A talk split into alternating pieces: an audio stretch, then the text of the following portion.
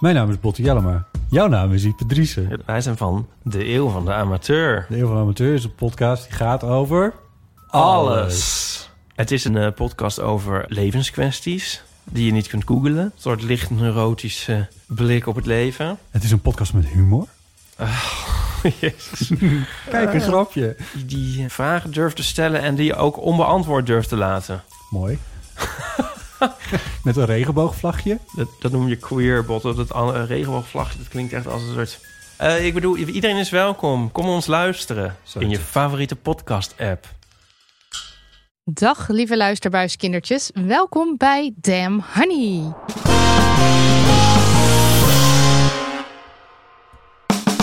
De podcast over shit waar je als vrouw van deze tijd mee moet dealen. Mijn naam is Marilotte En ik ben Nidia. en dit is aflevering 85. 80 is prachtig. Nou, hangt voor Ik deze weet ook niet waar dat vandaan komt. Ehm, voor ik gast en onderwerp eh, van deze aflevering aan jullie uit de doeken doe. Eerst nog even een huishoudelijke mededeling. Ding dong. Ding dong. Eh, na een eeuwigheid doorschuiven lijkt het erop dat onze podcasttour in het theater eindelijk doorgaat. Maar je weet het nooit, dus hou Lijkt even erop. een slag om de arm. Eh, in ieder geval, dit is de deal. Nidia en ik maken dit voorjaar een klein toertje door het land met de podcast. En we nemen deze shows niet op. Dus eh, het is echt once in a lifetime ding. Be there or not, maar dan was je er dus niet. En de ticketverkoop is weer open. Dus kom en we komen naar Amsterdam, Rotterdam, Brille, Den Bosch en Almere. En ik zet een linkje in de show notes. En dan kun je kijken wanneer. En En money.nl slash aflevering 85 heel soepeltjes. voor de show notes. Ja. Vandaag zit er een oude bekende bij ons aan tafel. Je kon er net al heel kort horen gieren. nu weer. Eh, ze gaat wederom haar wijsheid met ons delen. In 2019 schreef ze het boek Knap voor een dik meisje. Toen kwam ze praten over dik zijn in aflevering 15 van onze podcast. Toen waren we nog podcastbabies. Oh. Ze is bovendien fotograaf. Ze schoot de 2021 Delmani naaktkalender. De epische. Episch naaktkalender. naaktkalender. Zeker. En je vindt stukken van haar hand eh, in allerlei eh, bladen. De L, Linda. Ik dacht als naar jou kijk, dan kan je, Kan je allerlei wat aanvullen. Maar zeg maar alle, het Vogue, de, alle ja, grote titels eigenlijk, daar kan je haar vinden. Dat is nu een soort quiz. Wie is het vandaag? Zet Nee, hem nu stil en, en Ja. take your guesses. Oké. Je hebt het goed waarschijnlijk. Nee. Ja. Vandaag praten we met haar over een serieus thema. Namelijk over het verliezen van haar moeder. Uitgestelde rouw en transgenerationeel trauma. Het is journalist, auteur en fotograaf Tatjana Almouli. Yay. Dank, welkom, wat een mooie hallo, aankondiging. hallo. Ja, maar ik ben nog niet klaar. Oh. Want het is niet zomaar dat we je over dit onderwerp hebben uitgenodigd. Want je gloednieuwe boek Ik zal je nooit meer gaat precies hierover. Het is erg prachtig. Ik heb er erg van genoten. Ik heb het zelfs uitgelezen. En dat is toch iets bijzonders voor mij. Wat een compliment, wat een compliment. Sorry hoor. Ja, maar je weet niet hoe groot dat compliment is.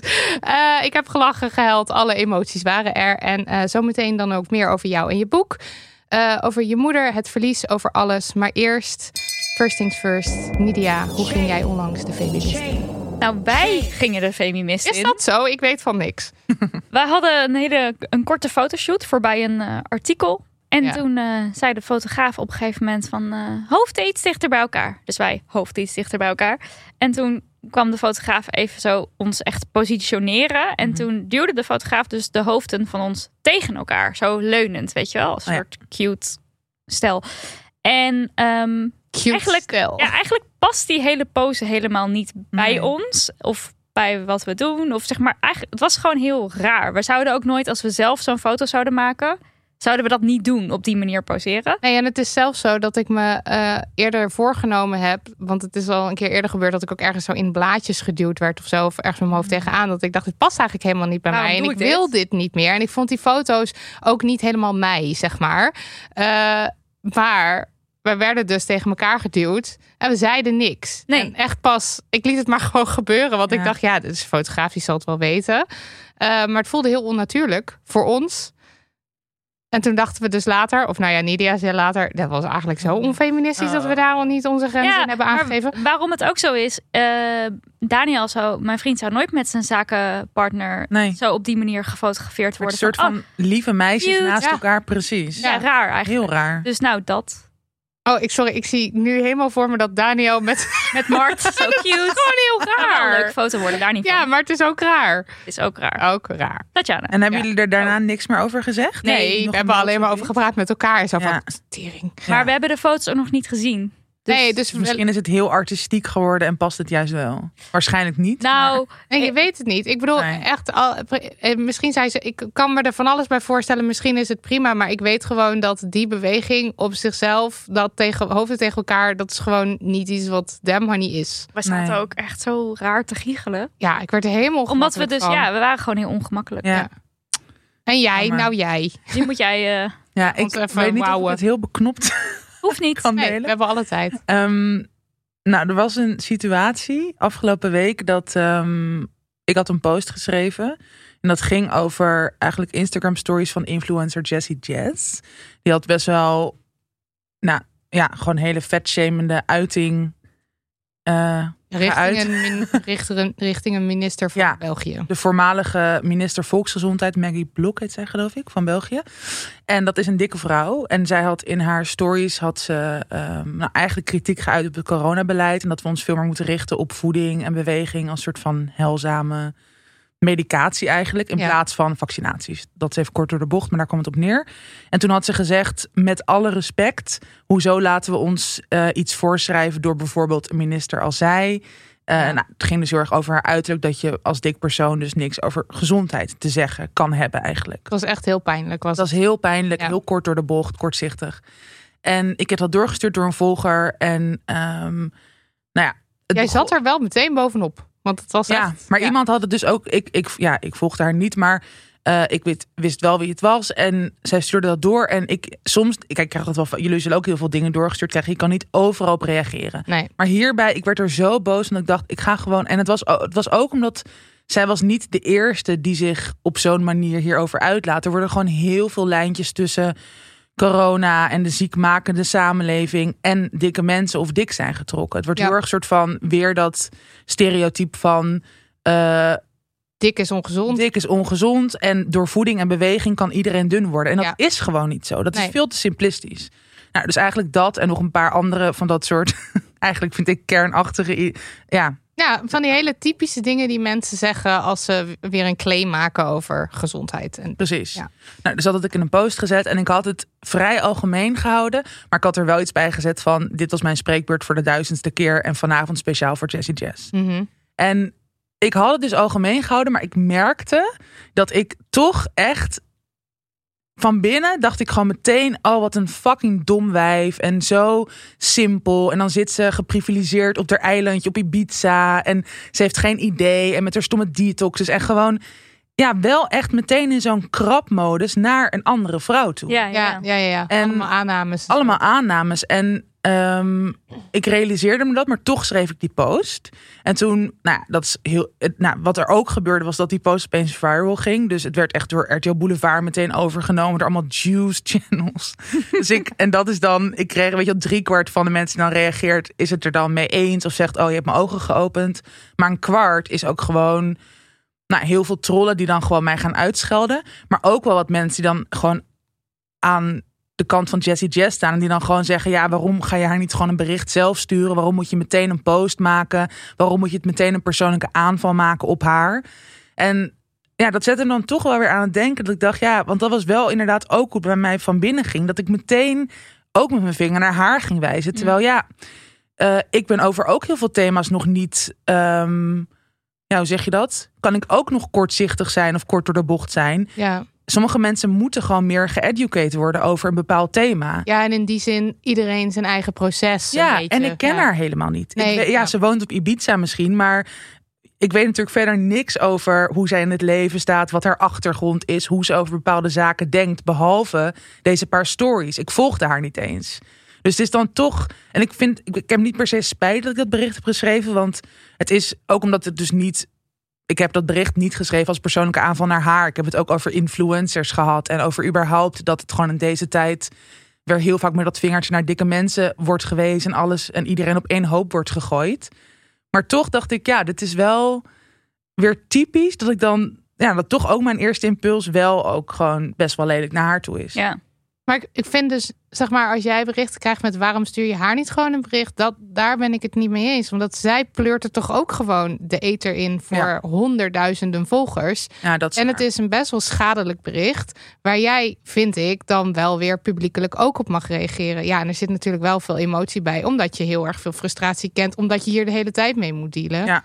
Dus ja, ik heb er eigenlijk gewoon wel, wel heel veel begrip voor. Maar ja, Ja, maar, nou, Naomi. en, maar het is ook, ik, ik vind het ook niet dat het een soort van het allerergste is wat ik had kunnen doen. Of, nou, nogmaals, ik heb er geen spijt van. Maar ik dacht wel weer van, dit is toch een mechanisme bij mezelf. Wat denk ik ook heel veel mensen en ook dus nog steeds vrouwen onderling waarschijnlijk heel erg kennen. Dat je dan toch je eerste reactie Ja. is gewoon, weet je wel, gewoon Ja. met je ja. nagels naar iemand toe. En ehm, ja, En dat, bij uitstek richting influencers. Ja. Want influencers, influencers worden heel vaak neergezet als precies. Ja, leeghoofden zo, ja. Ja. ja. Terwijl nogmaals, op je ik eiland ken haar helemaal met niet. je Ja. detox. Ja, precies. Ja. Dat is natuurlijk ook Ja. maar één kant die zij ja, misschien Ja. wel inderdaad representeert. Maar Ja, en daar kan natuurlijk ook veel meer achter zitten. We Precies. kennen haar verhaal niet, Nee. dus daar heb je gelijk in. Ja, ja, dus ja. dat was. eh, Ja. ik vond het toch gewoon feminist.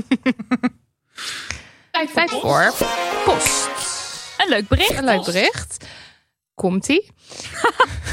ik lijkt dat ik dat Hou je vast. aankondig. Hou je vast. Pak je borsten vast.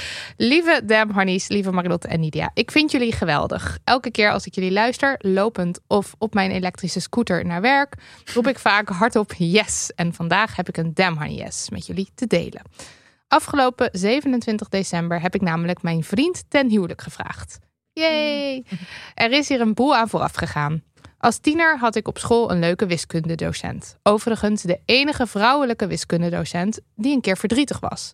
Ze vertelde aan onze klas dat ze haar vriend ten huwelijk had gevraagd en dat hij had gereageerd met: Ben je gek geworden? Dit voorval is me altijd bijgebleven. Ik ben altijd boos geweest op de vriend van mijn wiskundedocent. Wat een lompe hark. Nu zijn we ruim 16 jaar verder en ben ik zelf docent. Eind vorig jaar dacht ik: Hmm, ik wil mijn vriend ten huwelijk vragen. Alleen, ik kende nul succesverhalen van vrouwen die een man ten huwelijk hebben gevraagd.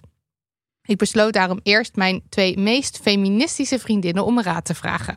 Vriendin 1 zei: Hmm, je kunt veel hints droppen of hem zeggen dat je hem wil vragen en dan is hij je waarschijnlijk voor. Vriendin 2 zei: Hmm, je kunt heel subtiel, net als ik, een ring uitzoeken en zeggen: Die wil ik. Ik dacht bij mezelf: nee, ik wil geen hints droppen en proposals afdwingen. Ik wil geen eens een ring. Huilend vroeg ik tijdens het eten of Vincent, mijn vriend, het erg zou vinden als ik hem een keer ten huwelijk zou vragen. Zou dat het einde betekenen van zijn masculinity? Hij reageerde verrast. Moet je daarom huilen? Wat lief. wat lief. je moet doen wat je wil. In december ontmoette ik de familie van Vincent in Canada. Tijdens een kort tussenstopje bij de Niagara Falls pakte ik een best friends kettingje uit mijn zak voor het idee. Wil je met me trouwen? vroeg ik. Vincent, mijn vriend, nu mijn fiancé, zei ja. Yes. De reacties lopen uiteen. Zijn vader snapte het niet. Zijn neven en nichten feliciteerden ons meteen. Mijn moeder was dolblij. En een collega zei lollig: Nou, nou, het is wel duidelijk wie de broek aan heeft, hè? Mijn vriendinnen zijn omvergeblazen. Maar het maakt me niet uit wat anderen vinden. Ik heb het gedaan. Hij wil met me trouwen, liefst deze zomer nog. Het is de 21ste eeuw, mensen. Een vrouw kan een man ten huwelijk vragen. Liefst vanuit de badkuip, Mathilde uit Groningen.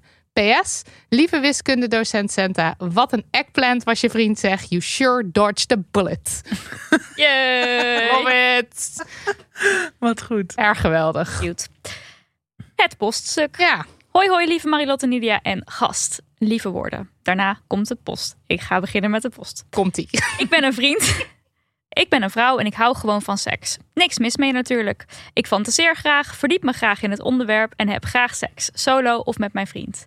Nu vind ik dit zelf absoluut geen probleem. Maar ik merk dat mijn vriend toch een andere kijk heeft op vrouwen die van seks houden. Zo maakt hij wel eens een grapje zoals: Heb je nu alweer zin? Of heb je nog niet genoeg gehad? Ook heeft hij er, al spreekt hij dat niet letterlijk uit, problemen mee dat ik masturbeer.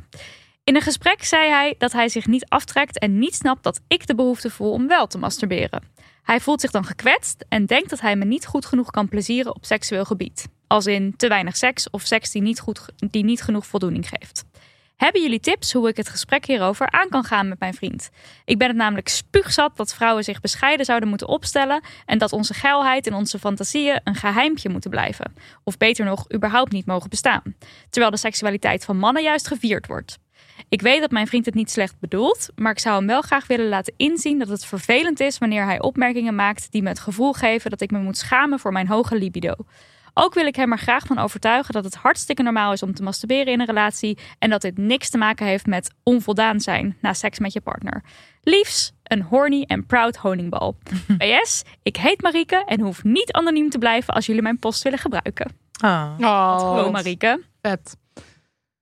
Ja, Wat vinden de mensen? wat vinden de mensen? Ik denk eigenlijk dat je al een heel eind bent als je zelf de re- realisatie hebt van...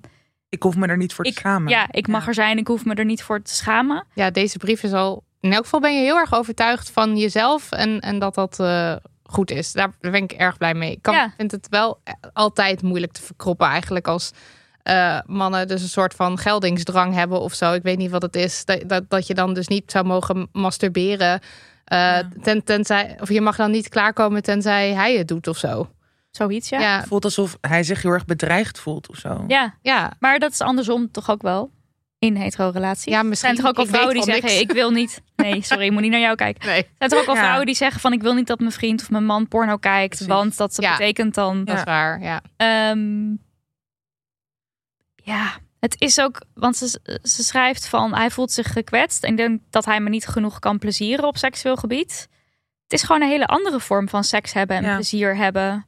En misschien is het ook wel niet genoeg als eh, zij alleen met hem seks heeft. Maar waarom is dat een probleem? Dat Ja, vraag ik me eigenlijk ook wel Ja, af. want je, in die, zin- het is natuurlijk ook gewoon heel goed om, eh, nou ja, dan daar, daar, dat gewoon ook maar duidelijk te hebben in een relatie waar je zit met je libido, waar je behoefte Ja. aan hebt. En als daar een verschil in zit, dat je dan dus dat dus op een manier oplost. En masturberen kan een manier zijn. En wel een goede manier, denk ja, ik. dat lijkt me ook. Tenminste. Ah, ah, ja, je kan natuurlijk ook het gesprek openen voor, voor seks met, met iemand anders of zo. Ja. Dat kan ook. Maar eh, dit, Net waar je je fijn bij voelt. net waar je fijn bij voelt. Maar dit lijkt me een vrij voor de hand liggende manier. Waarbij in principe, ja, in mijn optiek dus niemand gekwetst kan worden. Nou, maar ja, dat ben het. ik. Want als hij dit al bedreigend vindt, Dat dan vind lijkt het dat- niet alsof er echt ruimte is om nog iets anders Nee. daarnaast te En dat, ja, exploren. Maar ik vind het ook wel interessant dat ze schrijft dat hij zegt dat hij zelf dus ook niet masturbeert. Dus ik zou dat best wel een interessant gesprek vinden om dan aan te gaan zelf met je vriend van oké, nou jij hebt daar dus misschien geen behoefte aan. Mhm.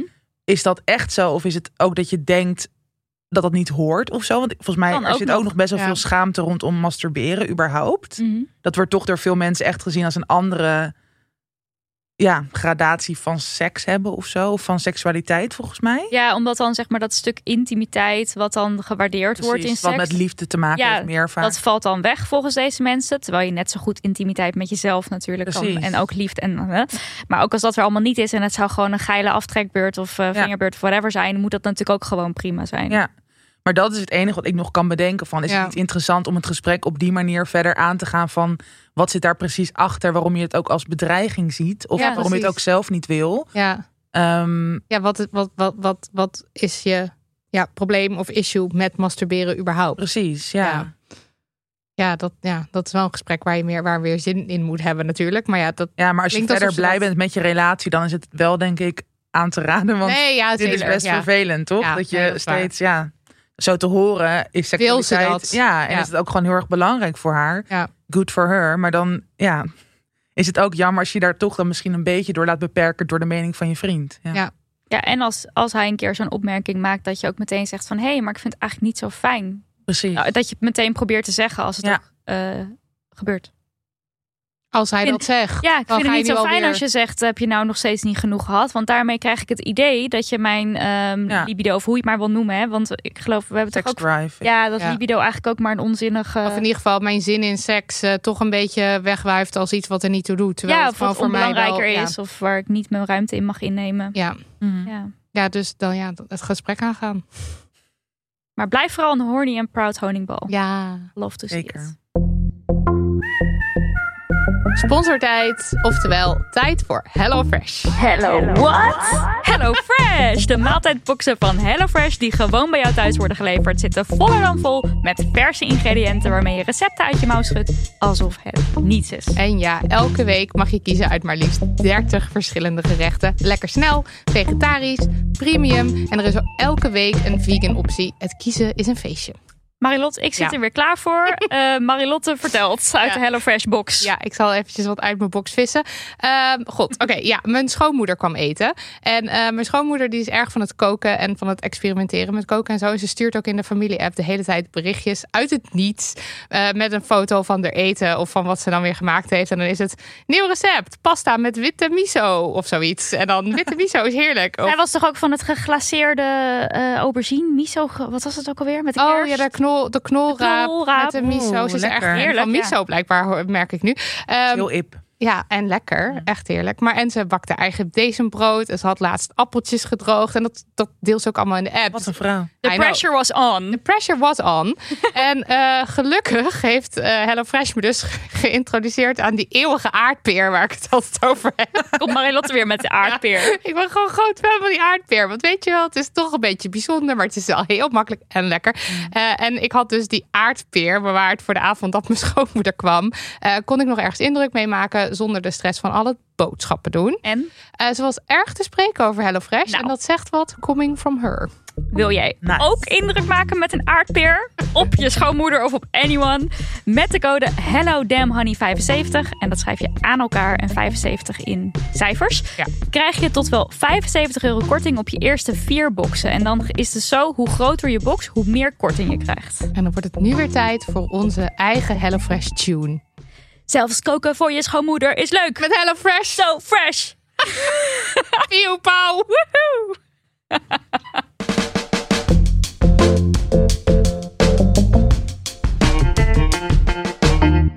We moeten het even hebben over het verliezen van een moeder op jonge leeftijd, over uitgestelde rouw en over intergenerationeel trauma. En dat doen we dus met jou, Tatjana. Je was 16 toen je moeder overleed en aan rouwen kwam je niet toe. Maar op een gegeven moment kon je het verdriet niet meer ontlopen en moest je het wel onder ogen komen. Je schreef er een heel mooi boek over, over dat proces. En ik zal de titel nog maar een keertje noemen, zodat niemand het ooit vergeet. Het is namelijk Ik zal je nooit meer. Ja. En ja, nee. Daar gaan we het over hebben. Je was dus nog heel jong, je was 16. Hoe zag jouw leven er toen uit? Kan je dat schetsen? Ehm, Wat voor, wie was je zelf ook? Ja, ik was toen al best wel een soort recalcitrante puber, denk ik. Die gewoon eigenlijk heel boos was. Dus ehm, ik woonde met mijn moeder, en met mijn broertje en zusje samen. Mijn ouders die waren al een paar jaar daarvoor gescheiden. En ehm, ja, ik was... Ja, ik had denk ik twee, twee, twee kanten in me. Zoals, ja, iedereen heeft natuurlijk meerdere kanten in zich. Maar aan de ene kant was ik gewoon... Ja, heel erg overal tegenaan schoppen. Ehm altijd ruzie maken met mijn moeder. Best wel veel onvoldoendes halen op school. Niet echt mijn best doen. Eh, en aan de andere kant deed ik ook alsof alles goed ging. Alsof er niks aan de Mm. hand was. Dus ik was altijd gewoon de gangmaker op school. Veel lachen. Ehm, liet eigenlijk nooit zien dat iets me raakte. Ja, ja, ja. En eh, ja, dat was dus al zo toen mijn moeder ziek werd. En ook net voor haar overlijden. En dat werd eigenlijk alleen maar erger toen zij toen ook doodging. ja. Hm. En, en hoe was de band met je moeder? Ehm, nou, bij ons thuis, want dat zei ik dus net eigenlijk ook al hoe ik was, dat ik dus niet liet zien hoe ik me van binnen voelde. Mhm. Dat was ook heel erg de tendens bij ons thuis. Dus mijn moeder die was ook echt niet goed in haar gevoel tonen. Gewoon best wel een soort struisvogelpolitiek eigenlijk. Dat je gewoon ja, altijd mooi weerspeelt. Naar de buitenkant of naar de buitenwereld doen alsof alles goed gaat. Alsof je sterk bent. Alsof je het allemaal op orde hebt Maar ook dus naar elkaar toe. ook naar elkaar toe. In ons gezin was het inderdaad ook zo. Ehm, dus dat beschrijf ik ook in mijn boek. Dat ehm, ik gewoon best wel vaak mijn moeder op haar kamer hoorde hu- huilen bijvoorbeeld. Hm. Maar als ik dan vroeg wat er was, dan kwam er gewoon een vaag antwoord. Of dan negeerde ze het gewoon. Ehm, en dat was eigenlijk bij mij hetzelfde. Dus ik voelde me ook heel vaak niet goed Mhm. of verdrietig of boos. En nou, ja, soms kreeg ik dan een soort enorme driftbui en dan reageerde ik het heel erg op haar af. Maar vaker was het dat ik ook gewoon in mijn eentje op mijn kamer zat en me gewoon kut voelde. Ehm, maar het daar niet over had. Ja. Hm. En wist jij dan wel wat, wat er, waarom ze misschien verdrietig was? Waren er dingen die niet soepel gingen of niet Was, Ja. maar, was het een stabiele omgeving? Of Nee. Nee, en dat, was, dat gaat dus wel verder terug eigenlijk nog. Dat ehm, toen mijn ouders nog samen waren, toen was het ook best wel moeilijk thuis. Mm. Ehm, best wel onveilig. Hij eh, kwam niet uit Nederland. Hij is Servisch en had gewoon een heel andere ja, ideologie. En ook heel erg andere soort van opvoedingsidee idee dan mijn moeder. Zij was best wel vrij. En hij had echt wel ja, hele patriarchale ideeën eigenlijk hoe een vrouw moet zijn. Maar ook hoe Mm. kinderen moeten zijn. Dat ze gewoon heel erg de man des huizes moeten Mm. gehoorzamen eigenlijk. En respecteren. Respecteren, precies. Nou, dat deed ik niet. Ik had altijd al wel grote mond en gewoon een eigen wil. En ehm, nou, dat werd door hem niet in dank afgenomen. Dus hij was best wel agressief naar mij toe vooral. En soms Mm. ook naar mijn moeder. En eh, dus dat was gewoon al ja, mijn vroege kindertijd. Maar daar werd dus ook nooit over gesproken. ja. Dus ook, weet je, daar is nooit echt hulp voor ingeschakeld. En ook toen mijn ouders eenmaal gingen scheiden en toen hij wegging, toen bleef dat mooi weerspelen eigenlijk. En als kind, als je dat natuurlijk gewoon ziet van ja, zo gaat het bij jou thuis, dan neem je dat ook over, want je weet gewoon niet beter. Ja. Ja, en je werd dus wel uit die situatie gehaald op een gegeven moment, omdat je ouders gingen scheiden. Ja. Maar vervolgens is het niet een soort van een soort evaluatiemoment Nee. geweest van dit is niet de bedoeling ook. Precies, en ook niet dat toen alles goed was of zo, want dat lag niet alleen aan mijn vader. Het ging er ook over dat, ehm, ja, mijn moeder, want dat vroeg je natuurlijk net inderdaad, of ik wist waarom zij dan verdrietig was of waarom Mhm. ze dan huilde. Nou ja, ik wist dan dat ze het moeilijk had gehad met mijn vader en dat toen zij gingen scheiden, dat hun bedrijf failliet ging, had zij geldproblemen, kwamen in de bijstand terecht. Dus er was dan geldzorgen. Ja. Ehm, maar verder, verder wist ik het niet. En natuurlijk, dat, dat is al genoeg op zich om over Ja. te huilen. Ja. Alleenstaande moeder zijn met drie kinderen. Ehm, maar goed, dat, ze zei dat ook nooit expliciet Nee. of zo. Dus het was altijd voor mij ook heel erg ja, onveilig, maar ook heel erg voor- onvoorspelbaar eigenlijk. Gewoon heel grillig hoe zij was. Want aan de andere kant, ze was ook best wel vrij. En ze hield heel erg van, waren altijd aan het spelen samen, aan het dansen in de woonkamer. We gingen altijd op avontuur naar buiten. En eh, dus dat was ook heel leuk. En zij kon ook gewoon, dat vond ik als puber echt vreselijk, maar dat ze gewoon op het schoolplein in dansen. ehm, Uitbarsten, Zingen, uitbarsten, ja. precies. en nu, nu vind ik dat alleen maar een heel leuk beeld. Maar toen als puber of als kind dacht ik, nou, doe even Ja, normaal. dan moet alles Ja. normaal. Ja. Maar het was wel, die kant had ze ook. Ze was niet alleen maar kommer en kwel. Maar het was wel heel erg, ja, hoe ik eigenlijk mezelf net ook portretteerde. Van er zaten twee hele uiteenlopende kanten in mij. Dat had zij zelf eigenlijk ook. Mm. Ja. En toen ze ziek werd, was er, was er een moment dat jij wist, oh, maar dit gaat niet meer goed komen. Ehm, ik denk dat ik het wel ergens voelde. Mhm. Werd daarover gepraat? Over Nee. de dood? Nee, het is nooit. Zij heeft nooit gezegd van. Ik ga niet meer beter worden en hier moeten we het over hebben. Of Ja. we gaan een soort afscheid van elkaar nemen. Of ik wil je dit nog vertellen. Dat, Mm. dat, die momenten zijn er echt nooit geweest. En ik, heb, ik, ik, herinner, ik herinner me ook heel veel niet uit die periode. Ik denk dat ik ook gewoon heel veel heb verdrongen. Omdat het gewoon te pijnlijk was of te zwaar. Maar ik herinner me wel dat ik gewoon, denk een maand of zo voordat zij doodging. Dat ik in bed lag en dat ik dacht... Oh ja, volgens mij woon ik over een maand ergens anders, want ze gaat dood. Ja. En dat ik op dat moment dacht, misschien is dat helemaal niet zo erg. En dat is Mhm. natuurlijk een heel rare gedachte, maar dat heeft er denk ik ook, of pijnlijke gedachte, maar dat heeft er denk ik ook heel erg mee te maken, omdat ik dus, ik kon zo niet van haar op aan, of er werd zo niet voor mij, of ook niet voor mijn broertje en zusje gezorgd eigenlijk. En als kind heb je dat natuurlijk wel nodig, ook als Ja. 16-jarige, gewoon een soort sta- stabiele situatie waarvan je Mhm. gewoon weet waar je aan toe bent. En dan dacht jij, als, als het dan straks verandert, dan kom ik misschien wel in Ja. een stabiele situatie. Dat hoopte ik heel erg. Dat, Ja. Ik had daar echt heel erg behoefte aan. Al helemaal omdat ook tijdens haar ziekte, toen ze haar, zeg maar, dat ze echt, dat duidelijk was dat ze niet meer beter werd, heb ik allemaal pas naderhand gehoord. Maar en het moment dat ze doodging, daar zat maar een half jaar tussen. Oh ja, kort. En ik denk twee of drie maanden daarvan heeft ze echt gewoon alleen maar in haar bed gelegen aan de morfine. En toen, nou, op een gegeven moment was ze eigenlijk gewoon al weg, terwijl ze dan nog wel formeel in leven was. Mhm. Officieel Ging- in leven was. Ging voor haar ook razendsnel natuurlijk. Zeker. Dus Ja. ik denk dat zij het ook gewoon echt niet heeft kunnen overzien. Nee. En dat ze ook heel erg, dat hoor je natuurlijk wel vaker, dat ja, best wel veel mensen die stervende zijn ook zo erg die hoop nodig hebben om nog om gewoon ook niet gek te worden of zo. Ja, ja. En ik kan me dat wel helemaal ook voorstellen als moeder van drie jonge kinderen. Dat je het gewoon, die Ja, dat het gedachten niet niet, kan. aan kan. ja, Precies. dus Ja. verdring je het of je praat er dan niet over. Ja, Ja, als al je er niet over praat, dan is het er niet. Precies. En dat was überhaupt dus ook al hoe het bij ons thuis ging. Dus dat was voor haar waarschijnlijk een heel ehm, ja, logische coping. Ja. Maar ja, voor mij was het dus, omdat er dus niet over werd gesproken, was het gewoon een heel rare sfeer bij ons thuis. Want Mhm. aan de ene kant ligt er een doodziek iemand in bed. En ik ervoer natuurlijk wel dat dat niet normaal was of zo. En weet je ook alle dokters in huis en allemaal mensen over de vloer, vreemden of bekenden. Dus het was gewoon niet. En daardoor wist ik wel van het gaat niet goed en het wordt alleen maar erger of het gaat alleen maar Mhm. slechter met haar. Maar ja, niemand zei dat tegen mij. Dus het is dan ook een soort van ja, je moet dat dan zelf gaan bedenken. ja. En op een gegeven moment voelde ik dat dus wel van ze gaat dood. En laat dat dan maar gebeuren. Dan, ga, dan komt het waarschijnlijk. Daarna wordt het waarschijnlijk alleen maar beter of zo. Dat, ja, dat is heel gek hoe dat soms dan. Dat je zo. Want als ik er nu over nadenk, denk ik, oh, wat erg eigenlijk. Want het is wel Ook je heel moeder. Maar ja, ik, ja, Ja, zo'n maar je bent ook tiener. Je Ja. moet er op een bepaalde manier dus gewoon... Ja, je moet ermee dealen. ja. En had je, had je van tevoren een soort beeld van... Ik weet dus niet in hoeverre je echt heel erg goed realiseerde dat ze doodging. Maar van, oh, maar als ze dan dood is, dan is dit hoe ik me ga voelen of moet gedragen. Of wa- was je daar, ja, was je daar bewust mee bezig? Nou, ik had dus enerzijds dat ik ehm, heel erg hoopte dat ik ergens terecht zou komen waar ik me beter zou voelen of waar beter voor me werd gezorgd.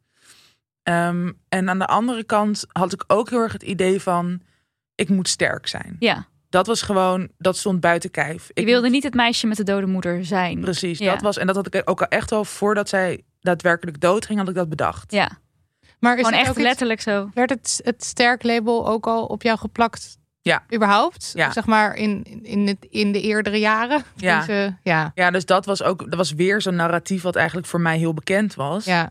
En wat dan ook nog vaak hoort bij zoiets ergs als de dood. Dat als je iemand verliest, dat er dan ook vaak zo'n label op je geplakt wordt van...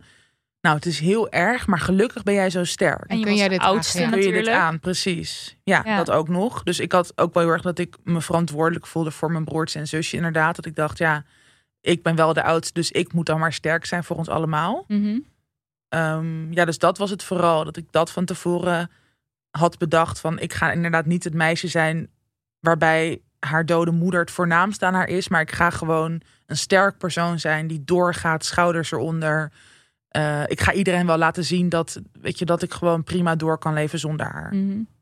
ja, dat was dus echt een nastrevenswaardig iets. Ja, dat zag ik echt inderdaad als, als puur iets positiefs. Ja, ja, ja, ja. Terwijl je nu denkt... Ja, zeker Ja. niet iets positiefs En, eigenlijk. en wat, wat, zeg maar, toen ze overleed, wat voelde je wel? Zeg maar, behalve dan dat je je had voorgenomen sterk te zijn, had je gevoelens, emoties? Ervaarde je iets? Nou, ik ervoer wel iets, maar wel heel weinig. Dus ik, ik was dan soms verdrietig. Dat dus meer die periode nadat ze was overleden. Dus volgens mij die dagen daarna of de weken daarna, dat was gewoon echt een soort blur. Dat je, weet je wel, van de ene dag vloeit in de andere over. En heel veel dingen regelen en de begrafenis. En En het huis ook. het huis opruimen. daar, ja, klopt. We gingen daar weg. En eh, eh, ik heb dat huis soort van in mijn eentje opgeruimd met wat vriendinnen van haar. Maar dat, ik kan me daar dus echt maar zo flarden uit herinneren. En de rest Mm. heb ik allemaal verdrongen, denk ik. Mhm. Eh, of nou, dat is gewoon zo, want anders herinnerde ik me wel.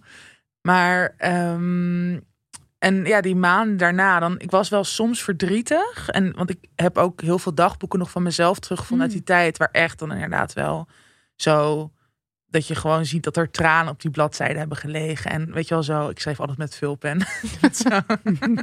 The writer Ja. she, she already was. Ja. vrije schoolkind. ja. Ehm, nee, maar zo uitgelopen inkt. En dat ik daar wel dus echt van die soort van pijnkreten van... eh, dat schrijf ik ook in mijn boek, van waar ben je nou? En waarom Ja. heb ik me alleen gelaten? En ik mis je zo. En, dus ik geloof ook wel dat ik dat ook voelde. Maar die momenten zijn wel echt geïsoleerd. En daaromheen was ik eigenlijk altijd ja, afgestompt. Ik voelde niks. Hm. En op welke momenten voelde je het dan wel? Dat waren meer dan de dagen Ja.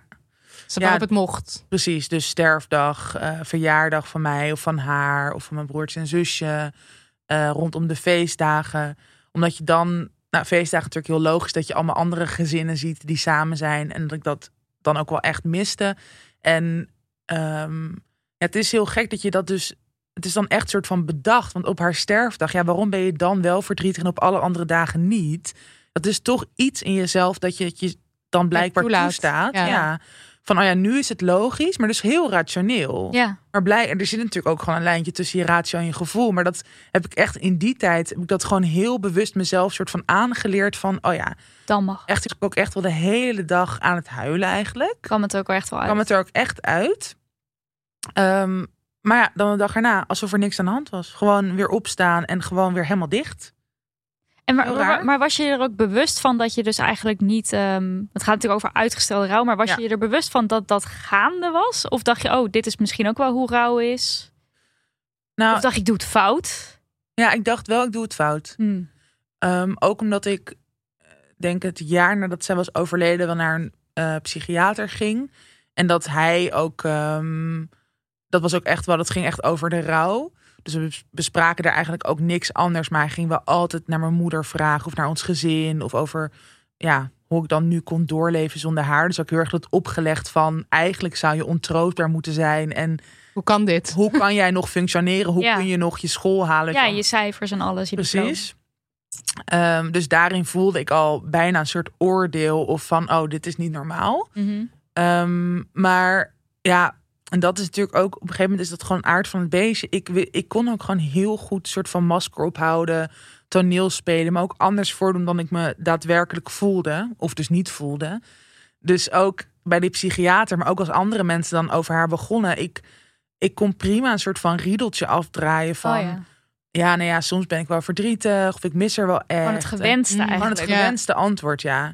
Eh, omdat ik, ja, omdat ik me dus inderdaad al zo'n sukkel voelde dat ik het allemaal niet kon volgens het boekje. Dus ook het rouwen, maar ook meer dan dat. Ik had gewoon überhaupt heel erg het gevoel van, ik ben een outsider. En ook hoe, ik- om hoe ik eruit zag bijvoorbeeld, dat ik dik was en al mijn vriendinnen dun. En op heel veel manieren had ik het gevoel van, ik ben niet de norm of ik ben niet normaal. Mhm. En dat ging dus ook nog over het rouwen. Ja. En ik kon het gewoon soort van niet aan om daar dan ook nog eens In te eh, falen of in te zo, falen. ja. Ja, en dat is heel raar, maar dat is dan toch, dat was toch inderdaad wel hoe het voelde.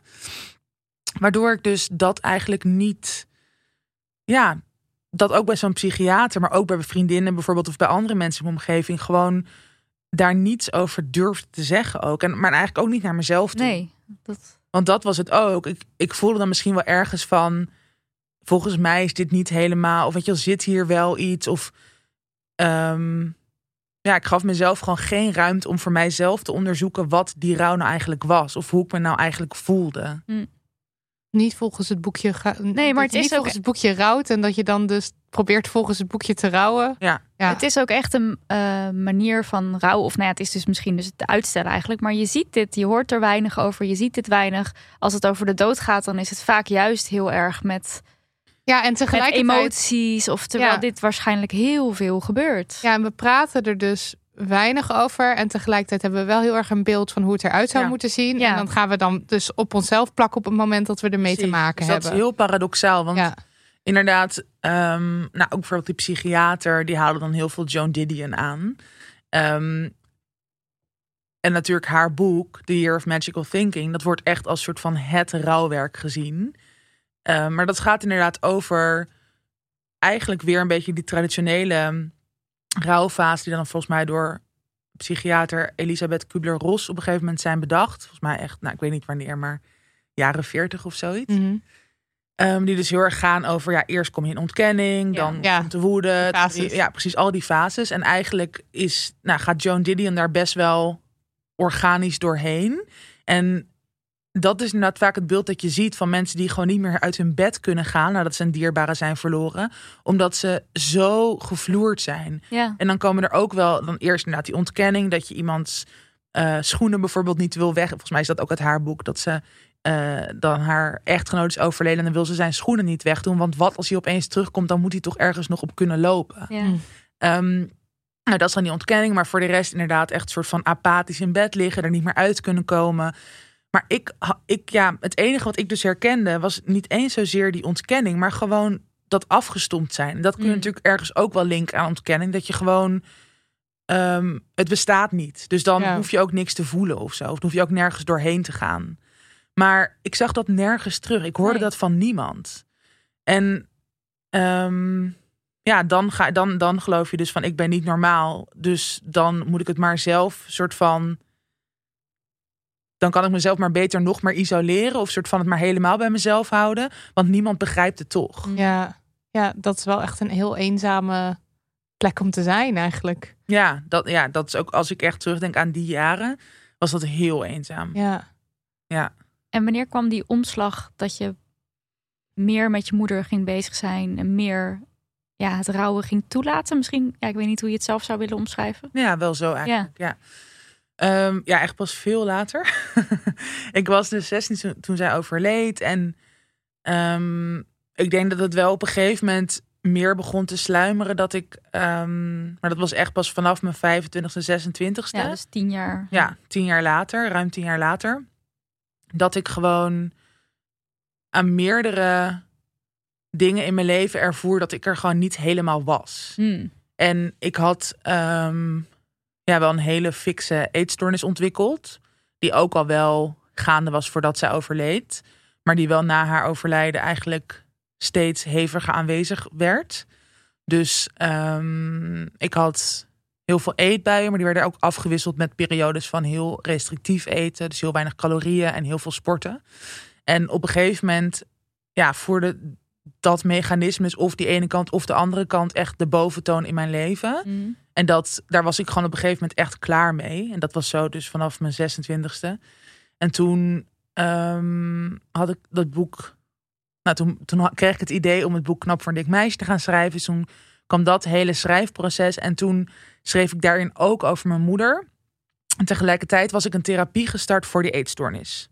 En ook tijdens die therapie kwam er gewoon heel erg naar voren dat ik ja, totale verstoorde emotieregulatie had. Dus dat ik eigenlijk vooral ja, moeilijke, verdrietige emoties niet toe kon laten. Mhm. Dus dat ik gewoon, nou ja, dus heel vaak naar eten greep of naar juist die obsessieve sport- en eetkant om Ja. maar niet te hoeven voelen, om dat maar te kunnen verdoven eigenlijk of ook afvlakken.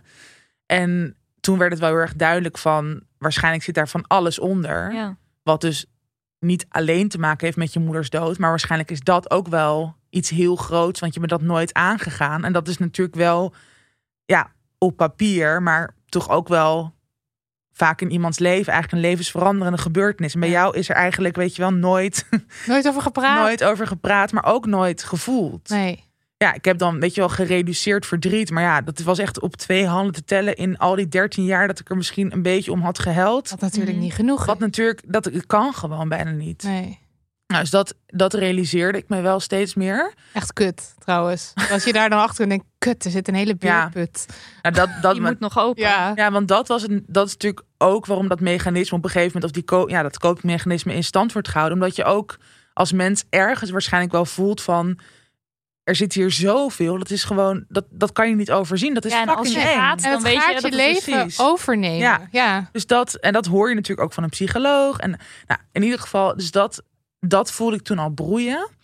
En wat ook zo was, was dat ik gewoon, ik kon het dus niet over mijn moeder hebben zonder ja, helemaal lichamelijk en mentaal soort van op hol te slaan. Hmm. Dus ik voelde allerlei fysieke ja, ongemakken. Kreeg- Dat beschrijf ik ook heel erg in mijn boek. Maar dat, dan krijg ik het of heel heet dat ik echt gewoon alsof ik koorts had, helemaal aan het zweten was en alles tintelde. Of ik het echt ijskoud en ehm, mijn stem die klonk totaal als iemand anders. Ik was gewoon, ik was gewoon even niet mezelf als het over haar ging. En natuurlijk gebeurde dat wel eens, want er waren heus wel mensen die naar haar vroegen Ja. of die een herinnering deelden of die wel vroegen van, nou ja, eh, ben je nog veel met je moeder bezig of zoiets. En ja, ik, ik dacht gewoon op een gegeven moment van, ik kan gewoon, dit, dit voelt helemaal niet goed. Dit voelt niet gezond. Volgens mij is er iets wat me dus eigenlijk tegenhoudt, wat ik totaal uit de weg ga, maar wat hier wel zit, wat Ja. gewoon een soort van vast zit in mijn lichaam. En daar moet beweging in komen. Daar, ik, wil daar dat daar beweging in komt. Want ik wil niet iemand zijn die de rest van haar leven het niet over haar moeder kan hebben. Of Hmm. en dan in algemene zin het niet over bepaalde dingen kan hebben. Of ehm, ja, daar ook geen licht op schijnt eigenlijk. Dus nou, dat, die realisatie, of dat, dat voelde ik op een gegeven moment echt van... hier wil ik iets mee. Ehm, maar toen was het nog wel van, oké, ik wil die ruil aangaan, maar hoe de fuck ga je dat doen Echt. 11, 12 jaar na dato, nadat Ja. iemand is overleden? Je kan dat natuurlijk niet forceren of zo. Je kan niet gaan Nee. zitten zo van en nu ga en ik nu rouwen. ga ik rouwen. Maar dat is sowieso Je kan het ook proberen. met dat maar- doorvoelen van emoties. Dat je denkt, nu ga ik zitten en ga ik het voelen. Is ook super Ja, moeilijk. Het is gewoon heel erg moeilijk. Dus waar ben je begonnen? Ja, hoe? Vertel het ons. Ja. Nou, ik had gewoon heel erg geluk dat ik toen al dus een tijdje in therapie was. En echt een heel fijne. Dat was dus eigenlijk echt gericht op die eetstoornis. Maar ik had ehm, een super fijne therapeut die gewoon in algemene zin heel erg naar mij als persoon keek. En me heel erg de ruimte gaf om nou ja, te onderzoeken waar ik mee aan de gang wilde gaan. En ehm, nou, dat begint het is ook echt hetzelfde als in het boek. Dat, eh, dat, dat we een ja, familieopstelling gingen doen. Ja. En dat er toen dus. Nou, dat moeten mensen maar het boek. Ik ga het niet heel uitgebreid Nee, vertellen, maar dat er wel. Ja, dat er toen ehm, echt iets loskwam. Opbrak of zo, ja. Je dacht, what the fuck? Ja, dat ik wel. Oké, als dit nu al gebeurt, Ja, dan zit hier inderdaad van alles. ja. En, en ja, en dat is natuurlijk iets wat je totaal niet kan forceren. Maar ik voelde toen wel heel erg van. Ik ben er klaar voor om dit wel in ieder geval aan te gaan. Ja, dan is het alsnog niet duidelijk hoe ik dat precies moet gaan doen. Maar dat is natuurlijk wel het begin. Dat je gewoon in jezelf voelt van die ruimte wil ik er nu ook aan geven. En het is echt de tijd ervoor. En ik ga niet meer mijn leven soort van on hold zetten totdat het goed uitkomt. Want waarschijnlijk komt het toch nooit goed uit. En dat was, dat was al best wel moeilijk hoor. Want we leven natuurlijk in een maatschappij waar het gewoon heel erg gaat over vooruitgang. En maar dus inderdaad groei en sterk zijn. En Presteren. presteren. En ik had toen ook echt dat boek. eh, Het jaar daarvoor was mijn boek, mijn eerste boek verschenen. Dus ik zat heel erg in een soort van trein Ja. van. Oh, ik ga nu een soort van proberen carrière te maken. En toen gebeurde dit. Maar ja, en dat kan je natuurlijk niet altijd. Dat kan je gewoon niet heel erg verklaren. Maar ik voelde gewoon van binnen: dit is het moment. Mhm. Ik ga dit nu doen. En wat voor mij toen ook heel erg hielp, was dat ik. ehm, ja, meteen voelde, volgens mij moet ik hier een boek over gaan schrijven. En dat natuurlijk, daar heb ik dan geluk mee dat ik weet wat voor mij een fijne manier of een fijne tool is om dit soort grote processen aan te gaan of te Ja. gaan onderzoeken. Ik weet gewoon als ik erover ga schrijven en als ik mezelf daar ook dus de ruimte voor geef, gewoon letterlijk in mijn agenda tijd daarvoor maak, dan weet ik alsnog niet wat er precies loskomt, maar dan is er in ieder geval dus wel die ruimte voor Ja. en dan kan het eventueel gebeuren. Hm. Nou, dat was in ieder geval het beginpunt. En wat mij ook heel erg hielp was om, eh, ja, dat is het ook in het boek beschreven, dat ik dus in die therapie ook heel erg veel bezig ging met ademhalingstechnieken. En ik vind dat dus altijd nog steeds. ja je begint Ja. gelijk te lachen uit ongemak. kan daar niet normaal Nee, over praten. ik vind dat dus toch zo moeilijk dat dat nog steeds een soort van zweverige connotatie heeft. Ook voor mezelf, maar natuurlijk ook bij heel veel andere mensen. Ja, het voelt dan een beetje zijig of zo. Alleen, het heeft dus wel voor mij echt heel veel gedaan. Mhm. Omdat wat bij mij dus, en ik denk bij heel veel mensen die bijvoorbeeld met uitgestelde rouw te maken hebben, maar ook die misschien anderszins een ehm, ja, stagnatie in een belangrijk verwerkingsproces of in trauma bijvoorbeeld ervaren, dat, eh, of dat heb ik ook van mijn therapeut gehoord, dat je vaak het contact tussen je lichaam en dus je ratio eigenlijk, eh, dat dat verstoord is. Dus dat je gewoon heel erg moeilijk in je lichaam komt. Dat je dus moeilijk signalen vanuit je lichaam herkent. Dat je dus ja, weinig voelt, omdat je gewoon soort van dat rationele hyper hebt ontwikkeld. Mhm. Dat je daar gewoon in excelleert, maar dat het gevoel gewoon dat je daar moeilijk bij komt. Het is wel een heel bijzondere manier van zelfbescherming, Ja, eigenlijk. en het is ook, ehm, het is ook soms nodig. Het is ook iets waardoor je wel door kan gaan met het leven. Ja, precies. Dat, het, dat je niet volledig instort op Precies. het moment dat het echt niet kan. Ja, en dat, en kijk, dat, daar, dat kan je gewoon niet kiezen natuurlijk. Want als ik nu terugdenk, dan denk ik, nou, had mij als 16-jarige maar een paar maanden in mijn bed laten liggen. Had me maar, mijn, mijn middelbare schooldiploma niet laten halen. Als ik toen alles had kunnen doorvoelen, had ik dat Ja. liever gehad dan. Ja, maar 13 dat is jaar later. achteraf. Nou, Ja. precies, dat is achteraf. Dus je weet het, je weet gewoon niet wat er gebeurt in je lichaam. Of, maar dit zijn natuurlijk wel, ja, bij de een gebeurt het een, bij het ander gebeurt het ander. Maar het heeft wel vaak te maken met dat er, ja, dat er dus niet genoeg ruimte is in jezelf, maar ook dat je omgeving je niet genoeg ruimte geeft om zoiets als die rouw, ja, toch wel proberen te doorvoelen eigenlijk. En we hebben best wel wat vragen gekregen van mensen die zeiden: hey, eh, mijn partner die zit in een soort gelijke uitgestelde. Ja, je kan hem niet altijd zo op iemand plakken, maar dat je Nee. het gevoel hebt dat er Ja. nog wat speelt. En dan dus de vraag of jij daar een advies voor hebt. Ja, nou dat is ook best wel moeilijk, omdat het dus ook niet te forceren is. Nee. Iedereen gaat er op een andere manier mee om. Maar als ik, ik heb natuurlijk ook best wel nagedacht van, oké, maar wat heb ik dan gemist bij mensen in mijn omgeving? Ja, Ehm, en dat was dus wel dat eigenlijk niemand probeerde haar een beetje levend te houden. oké. Dus ehm, ja, vooral die jaren daarna merkte ik dat mensen gewoon heel erg bang waren om het überhaupt over haar te hebben. Mm. Eh, en dat, ja, dat het dan toch, omdat het ongemakkelijk is, omdat, je, Mhm. omdat mensen bang zijn om iets verkeerd te zeggen. Maar ik denk dat, en dat hoor ik echt van zoveel mensen die met rouw, of inderdaad met uitgestelde rouw specifiek te maken hebben, dat het zo belangrijk is om het toch wel te proberen. En al helemaal als partner zijn, kan ik me voorstellen. En dan beter zeg je, of ik bedoel, liever zeg je iets wat dan misschien niet helemaal passend is, dan dat je het uit de weg gaat. Mm. Ik denk dat het daarmee begint. En ja, toch ook misschien dan met je partner gaan onderzoeken waar diegene behoefte aan heeft. En, en, en ook dus, want als ja, bij mij is het dus ook nooit dat het echt duidelijk was van. Ik voel echt niks, omdat niemand dat ook vroeg. Niemand vroeg gewoon van wat voel je dan? Of wat gebeurt er dan van binnen? Mm. En dat zijn natuurlijk best wel specifieke vragen. Ja, en je moet je er ook maar weer als mens wat de rouw niet doorgaat, ervoor bewust van zijn Ja. dat het aan de hand is of dat zien. Dat is nog best wel, Ja, dat, daar, dat vereist wel oplettendheid, zeg maar. Ja. Dus ja, en het ook het überhaupt het vraag dat jij zegt, ik heb gemist dat mensen mijn moeder levend proberen te houden. Ik denk ook oprecht dat mensen er gewoon soms niet aan dachten. En het is ook, denk ik, als partner of als collega of anyone, dat je denkt: oh, fijn, het gaat goed met Tatjana, want die Ja. is gewoon lekker Ja. op school en die is lekker. Want, want je wil eigenlijk iemand behoeden voor de pijn. Ja. Maar dat kan niet. nee. Of tenminste, je kan het dus uitstellen. Uit, ja, dat maar het kan. zal misschien later dan toch een keer doorbreken. Ja, en ik denk dat dit is ook over echt een groter gesprek gaat. Groot ma groter maatschappelijk gesprek over dus iets als pijn. En over ehm, moeilijke, verdrietige, gênante emoties. Die iedereen op een bepaald moment in zijn leven zal ervaren. Bijvoorbeeld rondom rouw. Maar er zijn natuurlijk talloze eh, situaties waarin je gewoon pijn ervaart. Ja. Ja. Iedereen. Waarschijnlijk meerdere keren in je leven. Maar het wordt neergezet als iets heel negatiefs, denk ik ook. Terwijl pijn is natuurlijk in principe iets wat je misschien niet wil. Maar het is wel een positief iets om erover te praten. Ja, en het is, het is inherent aan het leven. Ja, En uiteindelijk is iedereen het er volgens mij over eens dat het openbreken, het er wel over hebben, ook al is het dus vaak ongemakkelijk, dat dat uiteindelijk altijd lucht geeft, altijd helpt. Ja. Dat je vaak dus ook herkenning ervaart als je het erover hebt, waardoor je je weer meer gesterkt en gesteund voelt, minder alleen.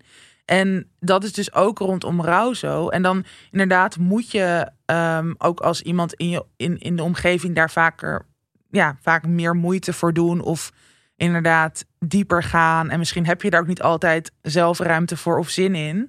Alleen het is wel, ja, als je echt iets voor de rouwende wil doen, of als je dus echt er voor diegene wil zijn, dan is dat denk ik wel nodig. ja.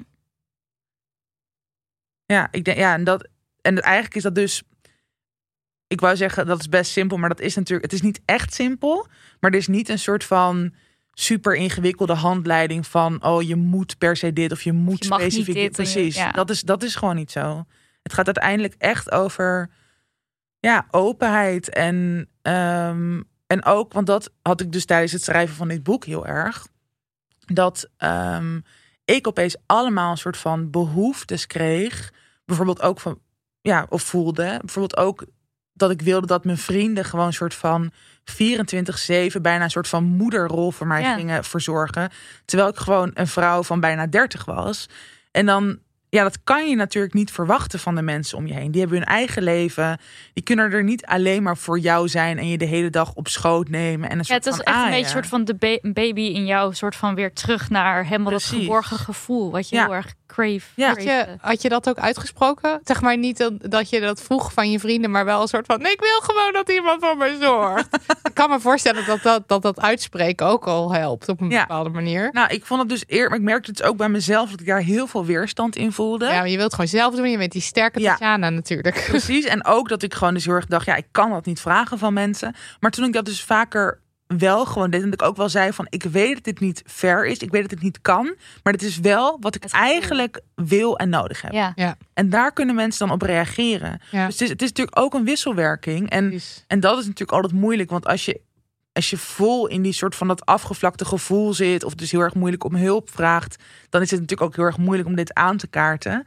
Maar ehm, ja, dat, dat is ook waarom ik dit boek heb geschreven. Want ik dacht, volgens mij is het heel fijn voor mensen die dit herkennen, dit, weet je wel, dat proces van die uitgestelde rouw, om gewoon ja, dan nu in een boek wel te zien hoe, hoe zo'n verloop gaat. En daar dan zich hopelijk ook minder alleen in voelen of denken van, oh ja, eh, nou, zij heeft ook misschien op een gegeven moment gewoon gegild van... Ja. ik wil dat je, weet je wel, inderdaad... dat je voor me zorgt. Of ik wil dat iemand voor me zorgt. Ja. Ehm, dan kan ik dat misschien ook doen of zo. Ja. Je schrijft ook wel over, over ruimte innemen of te veel zijn, dat je dat gevoel snel hebt. Ja. Dat hangt, ja, rouwen is ook een soort ruimte innemen. Ja. We hadden ook een brief van iemand, Hmm. ehm, iemand die al 60 is en nog met uitgestelde rouw te maken heeft. En zij eindigde met: Ik voel me een aandachttrekker als ik erover begin. Ja. Maar ook, ook vanuit het idee, eh, op haar dertiende heeft ze haar moeder verloren. Van ja, het is al zo lang Ja. geleden. En ja, je moet eigenlijk ook jezelf die ruimte gu- gunnen. Ja. Die, dat je dat mag innemen. Ja, dat herken ik heel erg. Ik vond het ook echt. Dat heeft dus weer te maken met hoe onze maatschappij met rouw omgaat. Dat het gewoon is van. In het begin vragen mensen er nog wel naar, maar meestal na een jaar is het toch van: oh ja, maar ja, het is toch al best Ja. wel een tijdje geleden. Nu weer doorgaan met het leven. Laat staan na 13 jaar. Of laat staan inderdaad als je 60 bent en het is al 13 jaar. Of Op je nee, dertiende, je ja, 13e Ja. gebeurd, Reken maar uit, ja. Oh, maar dat is inderdaad echt nog een, een extra drempel. Dat je dan zegt, en nu ga ik rouwen. Ja, maar dat was dus ook en en dus naar anderen toe, maar ook naar jezelf toe van oké, ga ik nu inderdaad, want dat gebeurde bij mij. Ik heb echt bijna een jaar lang dat ik gewoon elke dag aan het huilen was.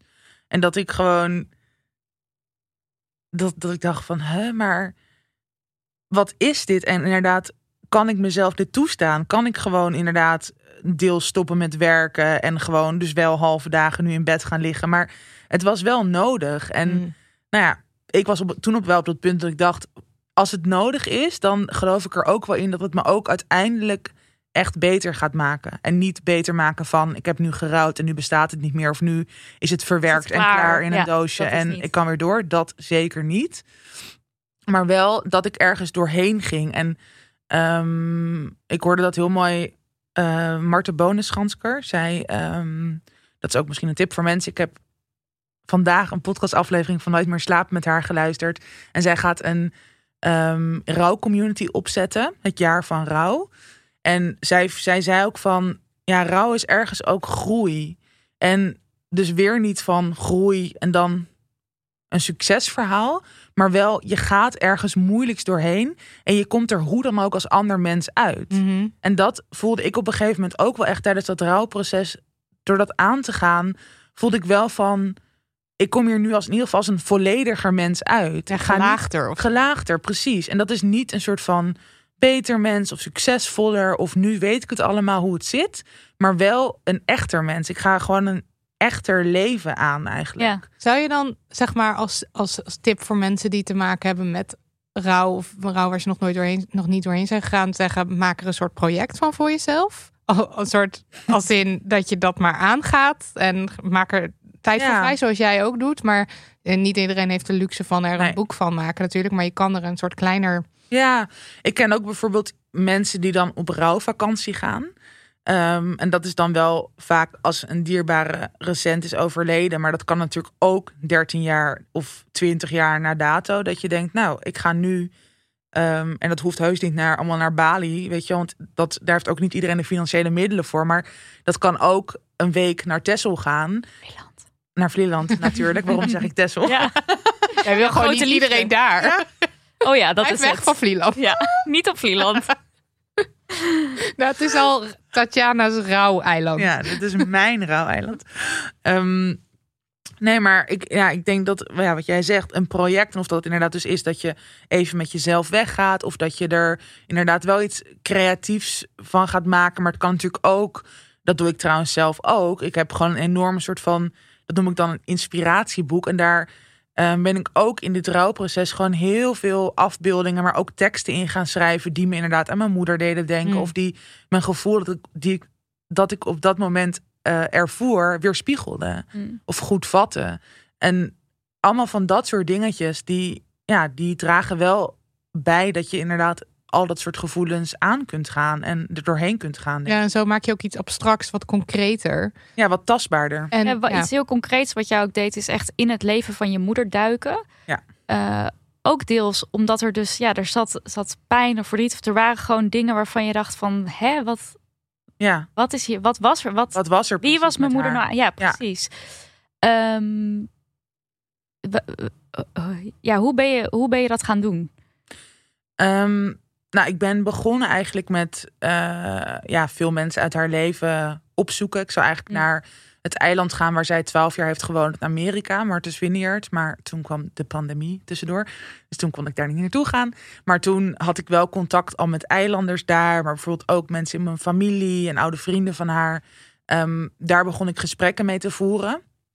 En toen kwamen er al best wel veel, ja, beetje losse eindjes boven water. Waarvan ik dus steeds meer de vraag had van... Hè, waarom is ze eigenlijk überhaupt op haar twintigst naar dat eiland vertrokken? Helemaal Twaalf, weg, alles helemaal weg, alle schepen verbrand. Twaalf jaar daar gewoond. Nou, daar mijn vader ontmoet en toen naar Nederland teruggekomen. Maar er waren gewoon heel veel vraagtekens. Er werden eigenlijk alleen maar meer hoe meer ik mensen sprak. Nou, toen best wel een bepalend gesprek gehad met mijn vader... die ehm, ja, me allerlei dingen uit haar familie en uit haar jeugd eh, kon vertellen...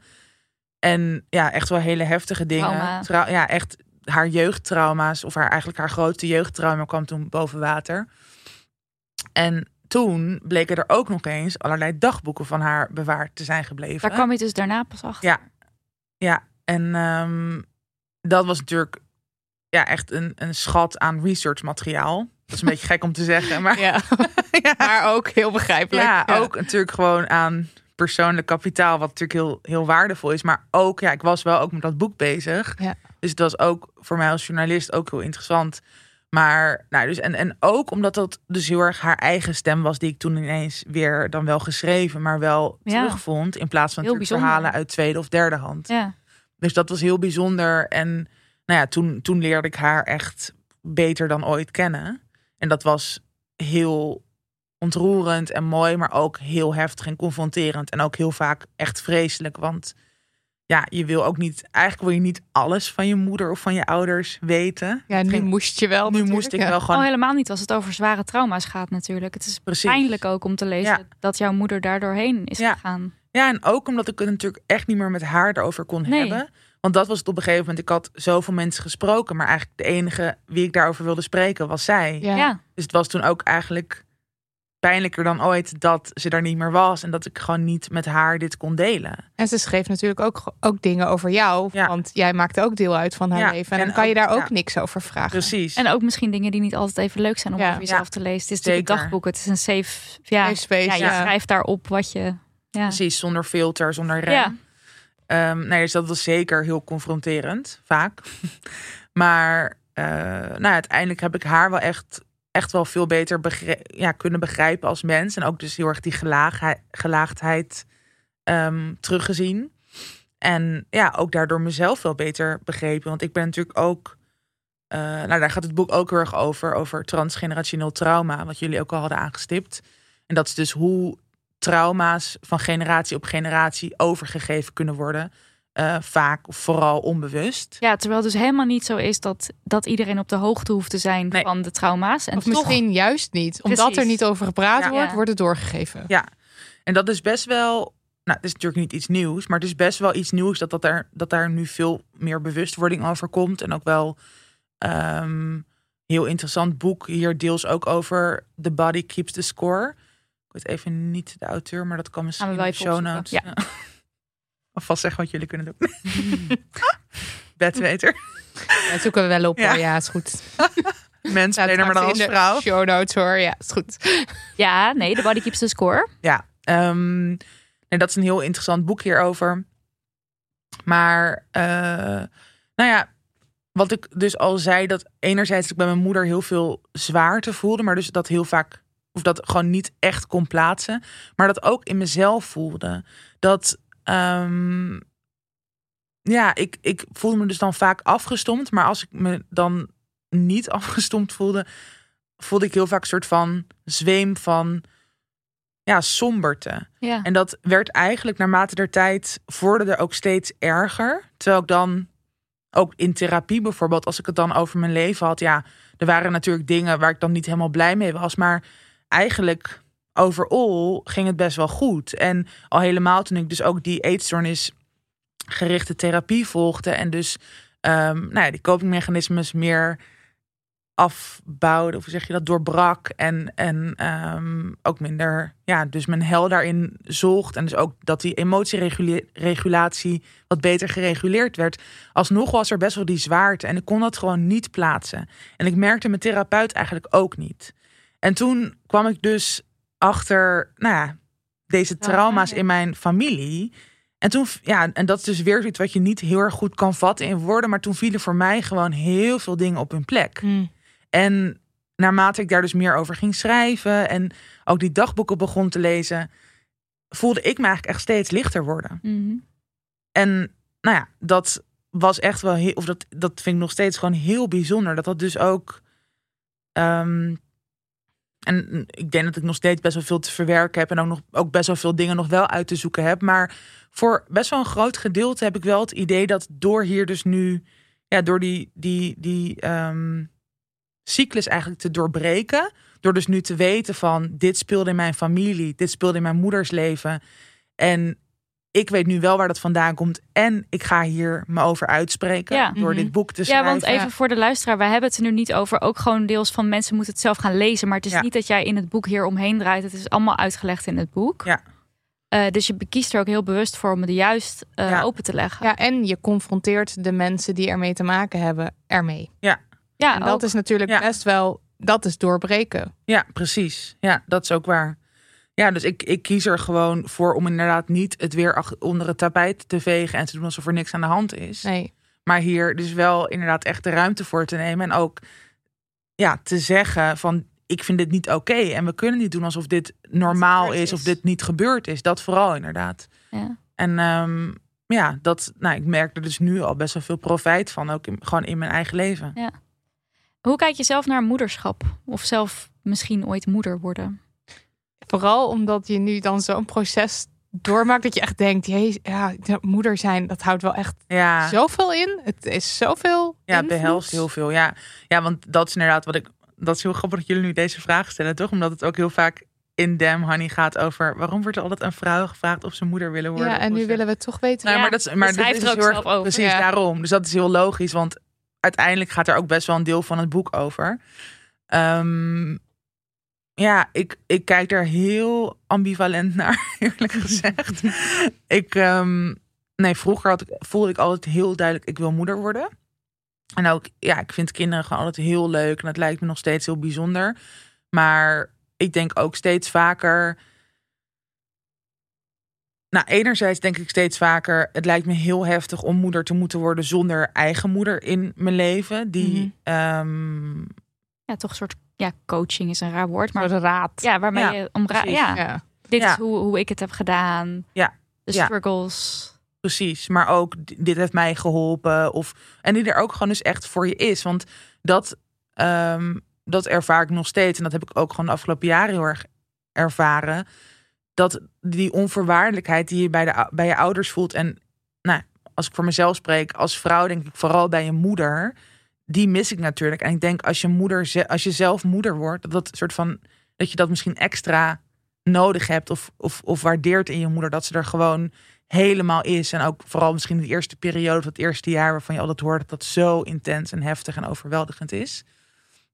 Dus daar kijk ik nu al tegenop als ik ooit moeder kan en mag worden. Ja. En wil. Want dat is wel nu het tweede. Dat ik gewoon ehm, ook denk, ik heb zoveel jaren zoveel last gehad van al die shit die mijn moeder, maar nou, in mijn geval echt mijn ouders eigenlijk aan mij hebben doorgegeven. Dus wat betreft dat genera- transgenerationeel trauma.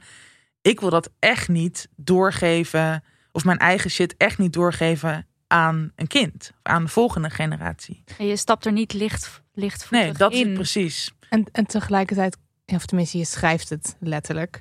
Eh, er staat in je boek: Wil ik dat mijn leven vooral in het teken van een ander wezen gaat staan. nu ik voor het eerst alleen kan zijn zonder de noodzaak tot verdoving te voelen? Ja. Het is natuurlijk ook zo dat je al die shit net van je afgeschud hebt. Kan je eindelijk een beetje soort voluit leven? En zou je ook. dat dan dus nu. Dat, daar, dat resoneerde heel erg bij Ja. mij. maar, dat, is ook nog een ding. Ja, want dat is bij mij inderdaad ook. Dus het zijn inderdaad eigenlijk drie paden hieromheen. Dat ik echt, nou, dus sinds vorig jaar, sinds ik meer dat zware van me af heb gegooid, of ge, nou, ja, heb doorwerkt eigenlijk, ehm, voel ik me echt gewoon heel vaak soort puber. Dat ik gewoon denk, oké, op papier, of, of nee, niet op papier, ik ben 30. Op papier ben ik 30. Ik ben 12. Ik ben helaas 30. Nee, ik ben 30. Ehm, maar ik voel me gewoon echt. Nou, ik wou, wou zeggen hoe ik was als 16-jarige, maar toen voelde ik me dus veel zwaarder. Maar ja. weet je hoe mijn vriendinnen zich toen voelden? Gewoon Gewoon dat. testen en doen. Ja, en experimenteren en Ja. losbandigen. En ik wil gewoon eigenlijk het liefst elk weekend twee of drie keer uitgaan. En drank en drugs en vreemd gaan. En, en dat, maar dat is Ja, gewoon. Als ja, we niet in de corona zaten, dan... ja, eh, dan. eh, Was zij, zat zij hier niet Nee. hoor. maar dit klinkt een beetje als, zeg maar, waar- hoe ik altijd praat over de tweede, tweede puberteit die ik had toen ik erachter kwam dat ik lesbisch ben. ja. Dat je echt denkt, oh my god, maar nu? ja. ja, jij hebt ook heel veel over leven. jezelf geleerd natuurlijk. Ja, Ja, als je precies. jezelf leert kennen, dan ja. Het is, het is inderdaad, als je jezelf leert kennen, dan valt er weer zo'n zwaarte van je af. En dan denk je, wereld, kom maar. Ja, dat. Heel lekker. Ja, heel lekker. Nee, dus dat is het ook. Dus nou, dat, dat laatste zorgt dus echt voor dat ik in ieder geval echt niet anytime soon een kind zou willen. Maar die andere twee dingen zorgen er ook voor dat ik gewoon denk, ja, nou, wat jij net ook al zei, Nidia. Ik denk gewoon echt niet op een hele vanzelfsprekende of lichtvoetige manier over eventueel moeder worden. ja. En nou ja, misschien krijg ik ooit een kind, maar grote kans dat ik het ook niet krijg. Mhm. En volgens mij, ja, het zal ook wel weer heel erg ingewikkeld zijn, maar volgens mij is dat ook gewoon oké. Voor Ja. mezelf, ja, maar, Ja. maar ook voor mezelf. Ja, ja, ja. Ja. Zeggen, hallo. maatschappelijk. Maatschappelijk oké Ja. en individueel oké. Honey approved. Laten we afsluiten Ja. met eh, de laatste vraag. Wat heeft het rouwen je gebracht? Doe je het nu je het eenmaal aan bent gaan? Je hebt net al heel erg ja, al antwoord eigenlijk gegeven. ja, ik denk dat het dus echt vooral gaat over ehm, ja, dat leven in de breedte eigenlijk. Of dus gewoon dat gelaagde leven en echt niet meer heel veel uit de weg gaan. En dus ook wel ja, veel schaamtelozer durven zijn. En nou, echt veel meer mezelf durven zijn. Dat is Ja. het denk ik vooral. Dus inderdaad, ja, wat jij net ook al bij jezelf vertelde, Marilot, van ja, echt jezelf beter leren kennen en daar gewoon echt heel erg voor staan en die ruimte in durven nemen. Ja, en het echt zien als iets, een soort cadeau. Precies, ja. Ja. Nou, dat, dat, dat ervaar ik echt veel meer zo. En dat ja, komt echt door die rouw dus aan te gaan. En door ook, dat is natuurlijk ook, door ook te voelen van... Ik kon dit aangaan. Het was fucking groot. Het was fucking zwaar. Ik heb het heel vaak echt verafschuwd. Ik heb, weet je, ja, al die dagen dat ik jankend in mijn bed heb gelegen, was natuurlijk niet leuk. Was, was, was heel eenzaam weer. En ik voelde heel weinig verbinding met de mensen om me heen. En dat was super ingewikkeld en complex. Maar uiteindelijk is het me wel gelukt. Ja. Ja, En dat is Het natuurlijk is ook. een soort ook over, overwinning al. Ja, Al is het ook weer stom om weer in. maar Het is maar wel weer een soort wel echt- waar we het dan over hebben. Maar het is wel echt zo. Nee, maar ook een overwinning. Het is ook een soort hoopvolle boodschap. Want dit is dus blijkbaar hoe het werkt. Het rouwen. ja en natuurlijk. eh, want dat is inderdaad wel goed om te benadrukken, denk ik. Het is natuurlijk niet lineair. En bij mij Mhm. Nee. kon het wel dat ik het gewoon. Of nou, zo is het gegaan. Het was niet dat ik dat had gepland van ik ga hier twee jaar over doen. Maar dat is uiteindelijk hoe het is gegaan. Die volle rouw aangaan.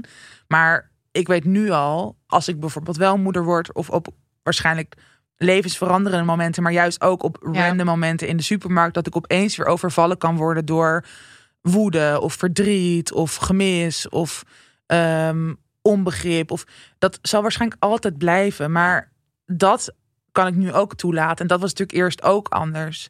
Dus in die zin zie ik het inderdaad gewoon heel erg als persoonlijke overwinning. En niet van, oh, ik heb er iets uit geleerd. En dat, weet je wel, eh, dat is de waarheid over rouw. Of Ja, en we slaan nu het boek dicht in. en nu gaan we verder. Totaal Ja, niet. nee. Nee. want dat is natuurlijk gewoon onzin. Maar ehm, ja, voor mijzelf voelt het wel als iets wat. eh, Maar dan is dan misschien het, het rouwen niet... Het rouwen is een soort ongoing proces. Maar jij hebt denk ik wel gewoon... De, de overwinning hier is dat je het hebt leren toelaten. ja, actiever precies. hebt Ja. Ja. ja. Mooi gezegd. Lekker Mooi gewerkt. Nou, Werk. Nou, koop dat boek mensen. mensen. ik zal je nooit meer, heet het. Ja. Prachtige cover trouwens ook, die mensen natuurlijk nu niet kunnen zien, maar ga het opzoeken op Ja. libris.nl. Boekhandels zijn weer open. Yes. ja, dat ook ja. Als je dus, eh, ja, dat mag natuurlijk gewoon. Ja, Support your zoek local bookstore. Precies. Hot, hot, hot, hot. Sponsor alert. Het is getcheeks.com en dat is G-E-T-C-H-E-E-X.com. Op het steamy maar classy platform Cheeks is geen stigma en geen schaamte te bekennen. En overigens ook geen advertenties. Wel seksuele vrijheid zonder taboes. Cheeks representeert seksualiteit op een diverse manier met plezier en uiteraard met consent. En Cheeks is van alle markten thuis. Je kunt er naar ethisch geproduceerde hotte content kijken of luisteren. Er zijn live online workshops en er is een magazine. Nou, dat luisteren naar porno, dat vind ik echt zo'n openbaring. Mhm. Want als je kijkt, dan is het toch altijd zo in your face en er is weinig aan de fantasie over te laten. Ja, of dat een van die acteurs dan een super overduidelijke tatoeage heeft. En dat je Oh, daar ja. niet van kan wegkijken. Of dat er ergens in de hoek iets ligt. En dat je denkt, wat is het? Wat, is dat? Wat is Moet dat opgeruimd? Moet dat niet een keer afgestoft worden? Nou, dat ja. Ja, en ik klikte dus gisteren een luisterverhaal aan. En dat verhaal heette Playing with Toys. En ik had het gewoon aanstaan in het kantoor eventjes. En er was meteen een zwoele vrouwenstem die het had over een spreader. En iemand werd met haar gezicht in de kut van haar lover gedrukt. En nou, ik zat dus helemaal dingen te doen. ja Al nou, die Op spreader kantoor. hoor. Wow. ik kan dit dus beamen dat het dingen met haar deed. Want het was nog net niet zo dat ze wegdreef. En op een gegeven moment riep ze, oh my god. Dus ik zo, hè, wat is er aan de hand? Want op kantoor. Ja, dus ik weer uitleggen van die spreader en zo. Eh, maar goed, oké. Ehm, als jij nou ook oh my god wil roepen, net Oh my zoals God. ik. We mogen jou 14 sexy gratis proefdagen cadeau doen als je een jaarabonnement afsluit. Ik zal het even uitleggen. Ja. Je gaat naar de speciale Damn Honey Cheeks link. En die vind je in de beschrijving van deze podcast. In je app bijvoorbeeld. Of eh, in onze link in bio op Insta, Insta. En dan klik je op probeer 14 dagen gratis. En you glibber away. Ja, maar eh, onthoud even die 14 dagen. Want binnen die 14 dagen kun je vrijblijvend opzeggen en zit je nergens aan vast. Dus zet dat even in je agenda voor de vergeetachtigen onder ons. En kan je nou nooit meer zonder, dan laat je de try-out doorlopen. En verandert die automatisch in een jaarabonnement. En trouwens ook nog een optie. Je kan hem ook nog omzetten naar een maandabonnement. Ja. Alles is mogelijk. Nou, Oké, maar ga dan maar gewoon naar die link in de beschrijving van deze podcast. Want, oh my god. Lovely.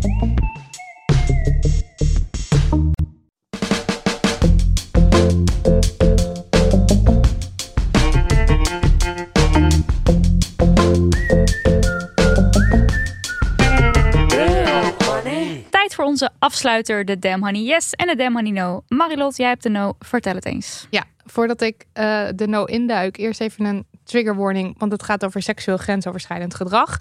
En als ik dat zeg, dan denk ik dat je ook wel weet wat mijn no is, want het was niet echt te missen. Eh, er is een beerput opengetrokken rondom The Voice. eh, het programma The Voice. En het was overal in het nieuws. Het journaal opende ermee afgelopen week. Ik denk niet dat je het gemist hebt. Ehm, op het moment dat we dit opnemen, is de aflevering van Boos, die hierover gaat, nog niet uitgezonden. Dat is tegen de tijd dat, die dus, dat deze aflevering online komt, wel het geval. Ja, echt al lang ook. Dat mensen denken, huh? Dus wij lopen een beetje achter daarin nu. Ehm, maar even kort, Tim Hofman en de redactie van Boos zijn eh degene die met het verhaal naar buiten zijn gekomen rondom The Voice. Dus we weten op dit moment eigenlijk weinig nog, behalve dat Jeroen Rietberg is opgestapt als bandleider. En hij heeft toegegeven dat hij contact van seksuele aard heeft gehad met vrouwen die meededen aan The Voice. En dat er aangifte ligt tegen Ali B. En dat er een tweede aangifte tegen iemand is van wie niet bekend gemaakt is van eh, wie het is. En ik kan me op dit moment dus eigenlijk alleen maar indenken dat als je zelf te maken hebt gehad met seksueel grensoverschrijdend gedrag, dat deze hele shitzooi ook ontzettend triggerend is. En dat het heel veel bij je los kan maken. En ik kan me ook alleen maar voorstellen dat dat zwaar is, want het is helemaal niet op jouw voorwaarden. Ehm, het, het is zeg maar, dit wordt dan losgetrokken en jij moet er dan maar gewoon weer mee dealen op een random moment. Mm. Eh, dat lijkt me heel zwaar. Ehm, Fatma Genç. Zij is eerder te gast geweest bij ons in de podcast. Eh, die heeft zelf een nare ervaring gehad en die heeft er ook wat over te zeggen. En ik heb gevraagd of zij eh, dat in wilde spreken ehm, voor de podcast. Dus ik ga nu eventjes haar voiceberichtje laten horen. Allereerst ben ik enorm gechoqueerd, ehm, in shock de hele tijd. Niet omdat ik, eh, zoals sommige journalisten, zoals sommige mensen aan televisie bij talkshows of interviews, niet wisten dat dit gebeurde. Ik weet donders goed dat dit gebeurde. Sterker nog, het is mij ook overkomen in, eh, in een lang verleden. Ehm, dus dat is ook wat het met me doet. Er komen heel veel oude emoties naar boven. Ehm, maar ik ben bovenal eigenlijk het boost uh, dat er uh, zo'n ja, nasleep is van: is dit echt een groot probleem? Uh, we weten het niet, we zijn er niet bij geweest. Dat er niet uit wordt gegaan van de waarheid van spreken vanuit de slachtoffers. En daarom is het zo grandioos dat Boos dit heeft gedaan met zo'n groot dossier. Er moet iets structureel veranderd worden in de cultuur binnen de media. Uh, het gedrag dat in stand is gehouden doordat er weg is gekeken van nare ervaringen en, en geen zero tolerance is uitgevoerd, waar dat dan ook wel um, misschien wel beleid is. Dat is niet duidelijk dat dat echt leeft en dat dat handha gehandhaafd is. Dus wat het met me doet, is dat ik echt in een soort uh, emotionele rollercoaster ben. Dat er enerzijds heel veel oude pijn bij mijzelf omhoog is gekomen, maar daarbij nog een grotere um, ja, uh, gevoel van rechtvaardigheid en gevoel van willen vechten en boosheid op de industrie. En dat het gewoon echt klaar moet zijn. Dat is een beetje waar ik me nu in bevind. Ja, ik kan me daar alleen maar bij aansluiten. Ik vind het ook uh, heel lastig om te zien dat als je nu. Uh, want elk programma gaat er natuurlijk over. Talkshows voornamelijk. En dat je dan. Ik, ik zette deze week toevallig langs uh, SBS Show Nieuws of zo. En ja. dan hoor je. Uh, Patty Bart zeggen van oh wat vreselijk voor John de Mol moet je voorstellen hoe ja. hij en het zeg maar hoe er op dit moment over gepraat wordt, is allemaal ruis. Ja. Het is ruis, maar niet alleen dat, ook nog eens gewoon echt fout. Ja, ja, ja. ja, ja. Victim blaming, hè? Ja. Victim blaming to the max. En ook uh, Ronald Molendijk. Molendijk. Ik weet nooit hoe die heet. Hij heet zo. Ja. Hij heeft geloof ik een DJ-duo met uh, Jeroen Rietbergen. Rietbergen ja. Al die mannen kan ze niet uit elkaar houden.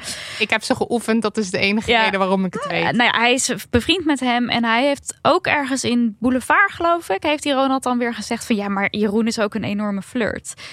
En daar gaat al zoveel mis... dat we ja. dus nog steeds blijkbaar... Ja, maar dat we dus ook dat onderscheid nog steeds niet kennen... tussen seksueel grensoverschrijdend gedrag en flirten. flirten. Ja. Dat, en dat, dat blijft, maar dat is natuurlijk ook met opmerkingen van... Um, oh, uh, pas maar op, voor je het weet heb je een mitoetje aan je broek hangen. Mm -hmm. dat, dat, oh, je kan, niet, je kan niks meer, je kan niks meer je kan doen ook niks tegenwoordig. Meer doen tegenwoordig ja. De, het echte gesprek, daar zijn we nog steeds niet. Nee, nee. en dat is erg pijnlijk duidelijk. Het enige goede gesprek wat ik hoorde... en ik, het is niet zo dat ik de hele tijd tv keek... maar het enige goede gesprek wat ik hoorde is uh, bij bij Bo was uh, Iva Bicanice uitge, uitgenodigd.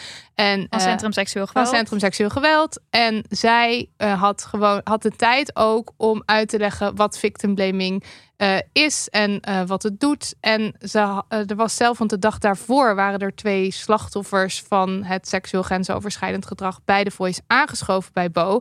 En daar was ook weer heel veel opgevictimblamed via Twitter. En dat hebben ze aan de kaak gesteld. Dus dat vond ik goed. Hmm. Maar er zit ook weer zoveel shite omheen. En het echte gesprek is natuurlijk...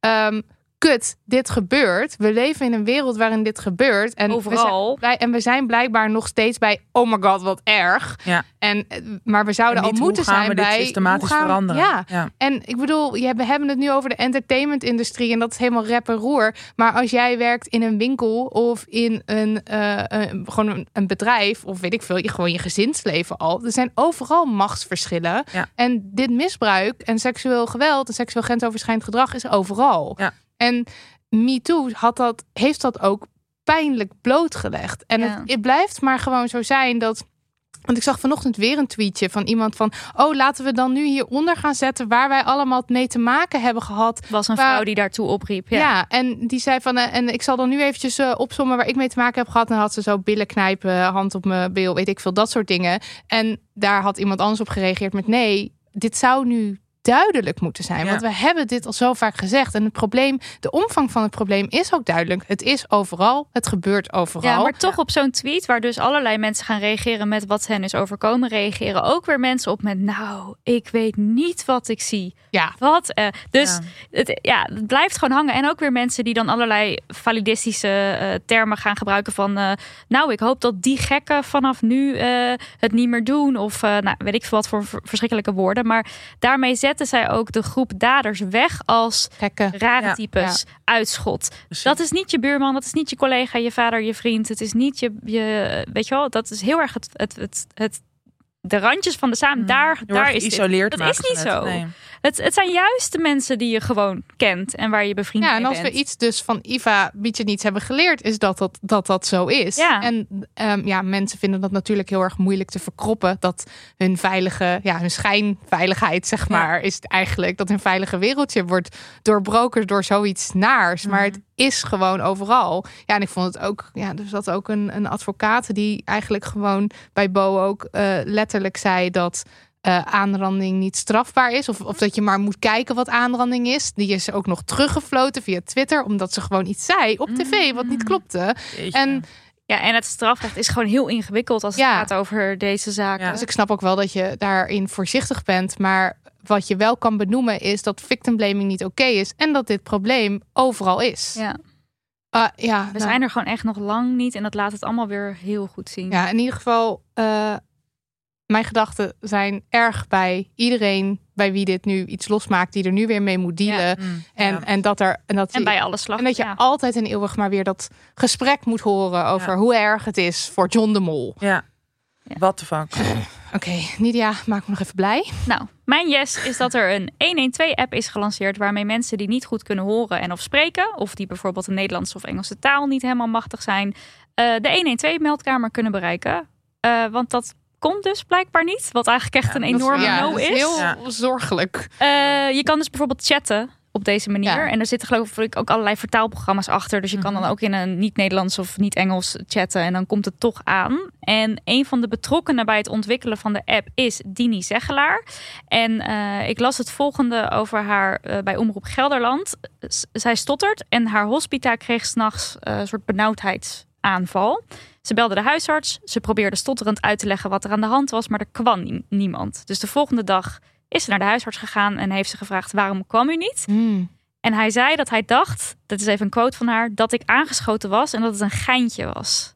Nou, je hart breekt als je dit. eh, de, En- de onmacht die je dan moet Ja. voelen. Dat je dus niet kan over. Ja. Dat het niet lukt om over te brengen wat, wat er aan de hand Oh, is. En gelukkig is het met de hospita goed afgelopen. Maar goed, je kan je voorstellen dat er heel veel situaties al zijn geweest. Ja. Waarbij mensen niet duidelijk konden maken: help mij nu op Ja. dit moment. Ja, Nou, en die app, eh, die is er dus nu. En ja, het is gewoon weer een heel goed voorbeeld van als jij iets ontwikkelt, een app, maar ook eh, een product of dienst of whatever, is het zo belangrijk dat je verschillende perspectieven meeneemt. Want Ja. ik kan me heel goed voorstellen dat als jij zelf kan horen, eh, of kan lopen, of kan zien, of noem het maar op, en dat je dat stottert. aanneemt als ja, in dit geval inderdaad, of niet stottert, dat je dan aanneemt eh, dat iets werkt. Ja. Want je ziet, je kijkt even naar je collega's aan de tafel. Ja. Oh, dit is helemaal top. Ehm, ja, dus eh, die diversiteit op de werkvloer is belangrijk. Dat laat dit gewoon weer heel goed zien. En dan dus niet, vind ik trouwens ook nog wel belangrijk, niet zo'n chique marketingafdeling waar ze dan eh, eventjes eh, gratis eh, vrijwilligerspaneltje eh, laten Mhm, komen van, oh, eh, nou, vertelt u maar eens. Ja. Eh, betalen. betalen, expertise en kennis. Ja. En gewoon eh, een goede positie aan tafel geven aan deze mensen. Maak van je beleid dat je mensen betaalt. Nou, dat sowieso. Ja. Maar goed, deze app is er dus nu en dat is eh, goed Top. nieuws. Dit was aflevering 85, Tatjana. Dankjewel. Jullie bedankt. En ik zal je nooit meer licht in de betere boekhandel die open is. Ik, denk in el- ik denk in elke boekhandel. Elke eigenlijk boekhandel. ook in de, De ook in de schalenboekhandel. Of Nee, wat de- eigenlijk. Alle Ah, boekhandels alle zijn boekhandels goed. zijn Ja. beter. I know. Dankjewel Daniel van de Poppen, Lucas de Gier en Lisbeth Smit voor de edit, de jingles en onze website damnhoney.nl waar je overigens ook alle show notes kunt vinden. Hallo en erg veel dank aan alle geweldige mensen die ervoor zorgden dat het transcript van aflevering 84 in no time op onze website stond. Marlene, Marike, Shannon, Rosa, Bijou, Suzanne, Marinde, Meike, Vivianne en- en Elisabeth. Wauw. En dankzij jullie is onze podcast weer een stukje toegankelijker. En daarnaast ook dank aan Annabel, Lorian en Manon, die ervoor zorgden dat er ook weer van eerdere afleveringen een transcript te vinden is. Is toch geweldig? Ja, nou op hoor. Spread the damn honey word. Vertel je collega's en het bakkertje op de hoek over damn honey. Dat is hartstikke leuk voor het bakkertje en leuk voor ons. Of steun ons op petje.af slash damnhoney voor extra special bonus content. En in de laatste bonusaflevering vertellen we samen met gasten Tat- Tatjana Almouli, You may know her. en Titia Hogendoorn over may onze know her. laatste gedeelde obsessie. En we kunnen nergens anders meer over praten en we moesten het ergens kwijt. Dus dat was in de bonusaflevering. En dit wil je niet missen. Ofwel, Zelf weten. zelf weten. Dag vloepetjes. Doei. Ik dacht ik gooi vloepetjes er weer een keer in. Ja, het is een classic. Vloeper. Heel hot. Ja. Doei.